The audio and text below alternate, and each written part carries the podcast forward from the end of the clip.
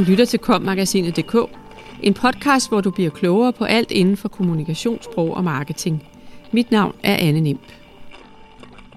Laura Gade Rasmussen, der er projektleder i kommunikations- og marketingafdelingen i ATP Ejendomme, fortæller om sit arbejdsliv og hvordan hun sætter sine forskellige fagligheder i spil. Artiklen er skrevet af Anne Nimp. Slip indholdet løs.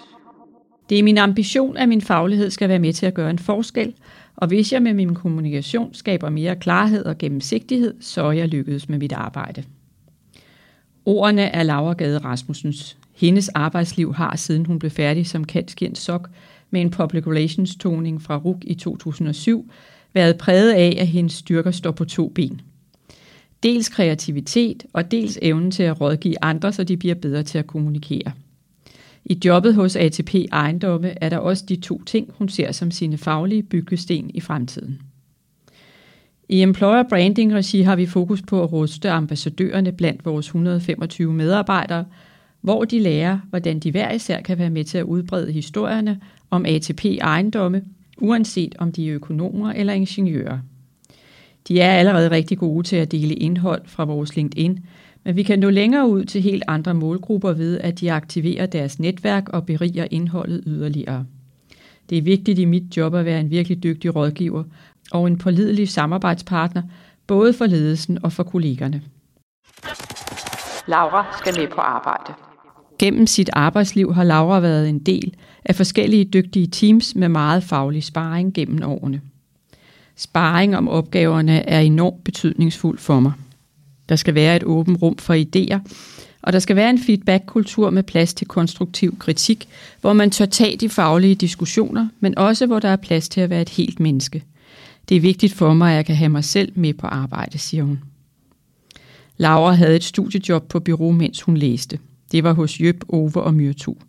Her lærte hun at begå sig i forhold til direktioner, og hun fik sit første job efter uddannelsen, også på et kommunikationsbyrå, der hed Communiqué. Byråtiden var lærerig, fordi man på bureau skal løse mange forskellige typer opgaver for lige så forskellige kunder og virksomheder. Og så tændte årene på bureau mit kreative gen. Jeg var der i tre år og blev sagt op i forbindelse med finanskrisen, men heldigvis fik jeg et godt nyt job i Visit Danmark som markedsfører Danmark i udlandet. Her arbejdede jeg med corporate kommunikation i forhold til Visit Danmarks samarbejdspartnere og pressen. Jeg arbejdede også med medietræning, og det var spændende at blive taget helt ind i direktionen, hvor kommunikation fik den plads, kommunikation skal have. Mens Laura var på barsel, søgte Helsingør Kommune en kommunikationskonsulent til at arbejde med et projekt, hvor kommunen ønskede at tiltrække flere børnefamilier. Udover at arbejde med kommunens vision om at tiltrække flere børnefamilier, blev hun også tilknyttet turisme- og kulturområdet, som hun kendte til fra hendes tidligere job. Men hun fik også mulighed for at prøve kræfter med et nyt fagområde, nemlig det tekniske. Det var et lidt mere teknisk område, end jeg var vant til, for jeg kom til at arbejde med byudvikling, miljø, bæredygtighed, veje, affald og den slags. Men det tændte noget i mig, og jeg fik interesse for, hvordan vi bygger og forandrer byer, og hvordan vi kommunikerer til borgerne. Efter seks år i Helsingør kom jobbet i ATP Ejendom så, og jeg skiftede i maj sidste år. Den røde tråd i forhold til jobbet i Helsingør er, at jeg stadig arbejder med kommunikation i forhold til udvikling af byer og boligområder, men ATP Ejendom beskæftiger sig også med erhvervsejendomme. To fagligheder i spil. I mit job bruger jeg især to fagligheder. Den rådgivende og den kreative. I rådgiverrollen handler det om at kunne sætte sig i modtagerens sted, at analysere interessenterne og vurdere, hvem og hvad vi især skal være opmærksomme på. Vi har forskellige målgrupper, så kommunikationen skal tilpasses. I forhold til det kreative er jeg hende med de mange idéer. Jeg kan hurtigt tænke i nye koncepter, hvordan vi skal kommunikere, på hvilke platforme osv. Når Laura skal beskrive sin kreativitet nærmere, så nævner hun, at hendes kreativitet både er på det sproglige område, men også i forhold til at følge med i og tage nye trends og tendenser ind. Hun var for eksempel hurtigt på podcast og video. I dag er det vigtigt, at vi som kommunikatører kan slippe indhold løs. Vi skal facilitere indhold ved at hjælpe andre til at fortælle de gode historier, for alle har medier at udkomme på. I øjeblikket sidder jeg med et stort boligbyggeprojekt, og her har vi tænkt lokalmiljøet ind fra start ved at inddrage lokalsamfundet, og få borgerne til at være med til at beslutte og inddrage dem i forskellige ting, som for eksempel navne og beplantning. På den måde er de lokale med til at definere historien.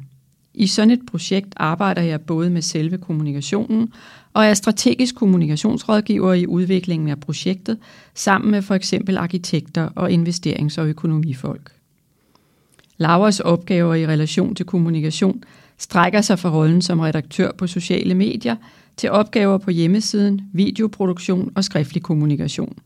Og så er der opgaverne med employer advocacy, hvor Laura er indholdsfacilitator for kollegerne, så ATP ejendommen kan vise behind the scenes, hvad de laver og står for. Bæredygtighed er et af de områder, hvor vi har meget at fortælle, og som har offentlighedens opmærksomhed. Vi ønsker at fortælle, hvad vi gør på den grønne dagsorden, og hvordan vi bidrager til udviklingen af et mere bæredygtigt og CO2-neutralt samfund. Det gør vi på en måde, så alle forstår det. Og dermed er vi tilbage til det, vi startede med. For Laura skal kommunikation skabe gennemsigtighed og klarhed. Du lyttede til kommagasinet.dk, podcasten til dig, som elsker kommunikationssprog og marketing. Subscribe, del og lyt med i næste uge. Podcasten er indtalt af Anne Nimb og Ask Lermand, produceret af Mark Justesen Pedersen og udgivet af Kommunikation og Sprog.